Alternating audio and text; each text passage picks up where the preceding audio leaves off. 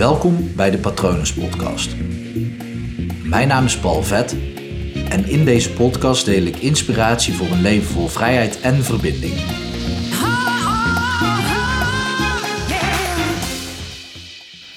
De laatste podcast alweer van dit decennium. Dat klinkt meteen zo groot. Dat is het ook als ik al tien jaar aan het podcasten zou zijn. Maar dat is natuurlijk niet zo.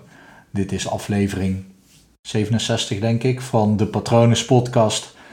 En met dwarsliggers de podcast zitten we op ongeveer 51, 52, zoiets.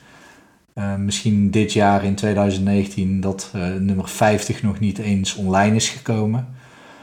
Maar ik ben dus pas in 2019 daarmee begonnen. Maar goed, het is wel een afsluiting van een decennium. En ik merk dat ik toch wel meega in dat iedereen dat heel groots maakt. En dat vind ik ook leuk. Uh, aan de ene kant, aan de andere kant vind ik, als te veel mensen erin meegaan, vind ik het stom. Uh, zo zit ik nou eenmaal in elkaar. Maar goed, hierin ga ik wel mee, maar dat heeft ermee te maken dat ik, um, ik hou van reflecteren. Ik doe dat wekelijks. En aan het einde van het jaar doe ik dat op een jaar. En nu werd ik uitgenodigd om eens terug te kijken naar de afgelopen tien jaar. En nu ga ik dat hier allemaal. Nee, ik wou zeggen, ik ga het allemaal met jullie bespreken, maar dat, dat ga ik natuurlijk niet doen. Uh, ik wil namelijk gewoon één ding even daar uitlichten. Eén ding wat mij ook helpt. En uh, niet zozeer dat ik dat al eerder op deze manier heb toegepast in dit voorbeeld, wat ik je zo meteen ga geven. Maar ik pas het wel vaker toe op andere uh, manieren. Um, ik draai er een beetje omheen. Ik wil even aan jou vragen om een moment te bedenken in de afgelopen tien jaar, dus niet van de afgelopen maand, kwartaal of jaar, maar in de afgelopen tien jaar, welk moment voelde jij je het meest fantastisch? Dus dat je echt dacht, wow, ik voel me goed, zelfverzekerd of charmant of um, ik maak hem ook voor kinderen, dus ik kan daar beter niet op, uh, op doorgaan. Um, of gewoon ontspannen, relaxed, helemaal jezelf, lekker in flow. Maakt niet uit. Kies, kies één moment van de afgelopen tien jaar. Je mag hem ook op stop zetten of je mag het na de aflevering even bedenken. Uh, dat maakt niet uit. Het is wel handig om het wel echt even te bedenken en dan goed te bedenken waar was je toen? Met wie was je toen? Um, wat zag je toen? Wat hoorde je? Uh, misschien zelfs wat proefde je en wat rook je? Hoe meer van dat soort zintuigen aanwezig zijn in dat moment, hoe beter dit werkt. Uh, maar pak één moment van de afgelopen tien jaar waarin jij denkt: oké, maar dat moment, zo zou ik me eigenlijk altijd willen voelen. Dat moment moet je hebben. En uh, zit dat moment er niet bij en denk je dat dat moment moet voor mij nog komen, hoe ik me altijd wil voelen, pak dan het moment wat daar dichtst bij in de buurt zit. Want ik weet zeker dat in tien jaar tijd dat er echt wel een moment is geweest dat je dacht: oké, ik voel me goed, ik voel me fijn. Het kan ook gisteren zijn geweest, hè? maakt niet uit. Maar wat dan heel goed werkt, is letterlijk dus in dat beeld stappen, in dat plaatje. Dus echt even voor je zien wat je toen zag. Um, ook wie er om je heen waren. Um, wat de, de gelegenheid was, waarom je je zo goed voelde. Natuurlijk super belangrijk. Dat je misschien ook wel hoorde, of nu hoort wat je toen hoorde. Dat je, uh, ja, wat ik al zei, uh, ruikt. Nu gewoon ruikt, kan ruiken wat je toen rook. Het is moeilijk hè, met gewoon verbeeldingskracht. En het een zal voor jou beter werken dan het ander. De een ruikt makkelijker iets in een herinnering. De ander roept eerder een plaatje op. De ander roept eerder geluid op. Um, dus kijk voor jou hoe dat, dat werkt. En probeer dan dat gevoel. Dat is natuurlijk het belangrijkste. Dat gevoel, hoe jij je toen voelde op dat moment. Om dat mee te nemen. In dit moment dus. Het moment dat je daaraan terugdenkt. Dus denk aan dat moment terug. Doe dat zo meteen of zet hem even op pauze. En ervaar gewoon alles wat er toen was, inclusief dat gevoel. Het schijnt zo te zijn dat een herinnering namelijk 95% van datzelfde gevoel kan oproepen als toen je daar daadwerkelijk was. En met de tijd en um, ook hoe vaker je eraan terugdenkt, hoe meer dat gevoel soort van verdooft of verzwakt.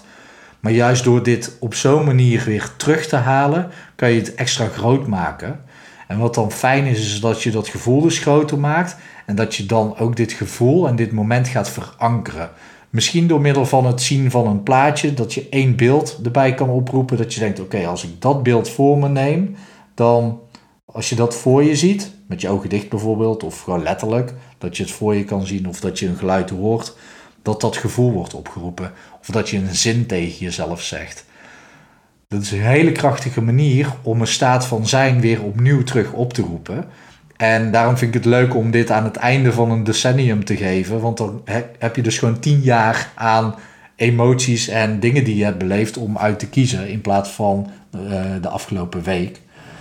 En uh, bij mij is een moment, moest ik ook meteen aan terugdenken. Dus een moment waar ik veel vaker aan denk. Het moment dat ik weer emoties kon ervaren. Dat moment was heel fijn. Maar net daarna was er een moment. Ik zeg net daarna, kan een half uur of een uur daarna zijn geweest.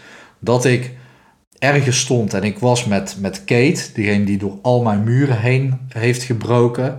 En ik stond met haar en er bekroop me een gevoel.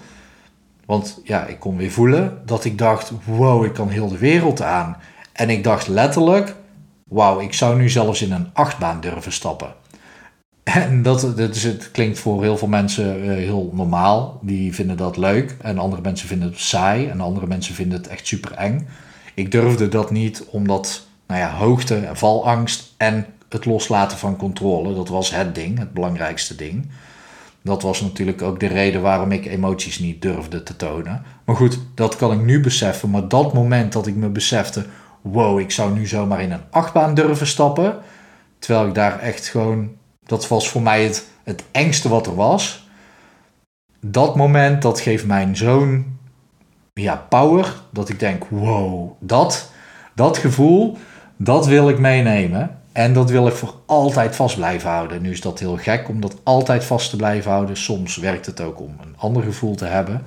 Maar het, het helpt om zo'n krachtig gevoel, waarin ik mezelf dus zo krachtig voel en zo fijn voel, om dat te verankeren. Dus bij mij is de zin, ik zou nu in een achtbaan durven te stappen, dat brengt mij terug naar dat gevoel. En dat is dus ook een zin die ik meeneem. En ik nodig jou dus uit om ook zoiets te doen. Het kan ook werken door in je vingers te knippen. Ik doe dat nu niet te hard, want uh, ja, dan word jij doof. Ehm, als je dit uh, nogal hard hebt opstaan. Maar in je vingers knippen kan goed werken. Op je knieën slaan of in je handpalmen uh, klappen, dat werkt ook altijd goed om uh, gevoelens te verankeren. Maar het kan dus ook met geur zijn of een plaatje. Maakt niet uit wat voor, voor jou het beste werkt. Dus welk zintuig werkt voor jou het beste? Veranker dan het gevoel daaraan. Het gevoel van oké, zo wil ik me voelen. En neem dat mee 2020 in. Ik ben heel erg benieuwd welk moment jij kiest. Ik zou het leuk vinden om dat van je te horen. Laat het me weten op patronen.palvet.com. Praat anders mee via social media kanalen. Ik ben met name actief op Instagram en Facebook. Ook wel op LinkedIn. Maar je kan me overal aanspreken en het mij laten weten. Want ik ben heel erg benieuwd welk, welk moment je meeneemt en welk gevoel daaronder zit. Laat het me vooral weten. Ik wens je een hele fijne jaarwisseling toe. Het moment als je dit nog voor uh, oud en nieuw hoort. Uh, zo niet, dan hoop ik dat je een fijne jaarwisseling hebt gehad. Be safe. En ik hoop dat alles goed met je gaat. Hoi.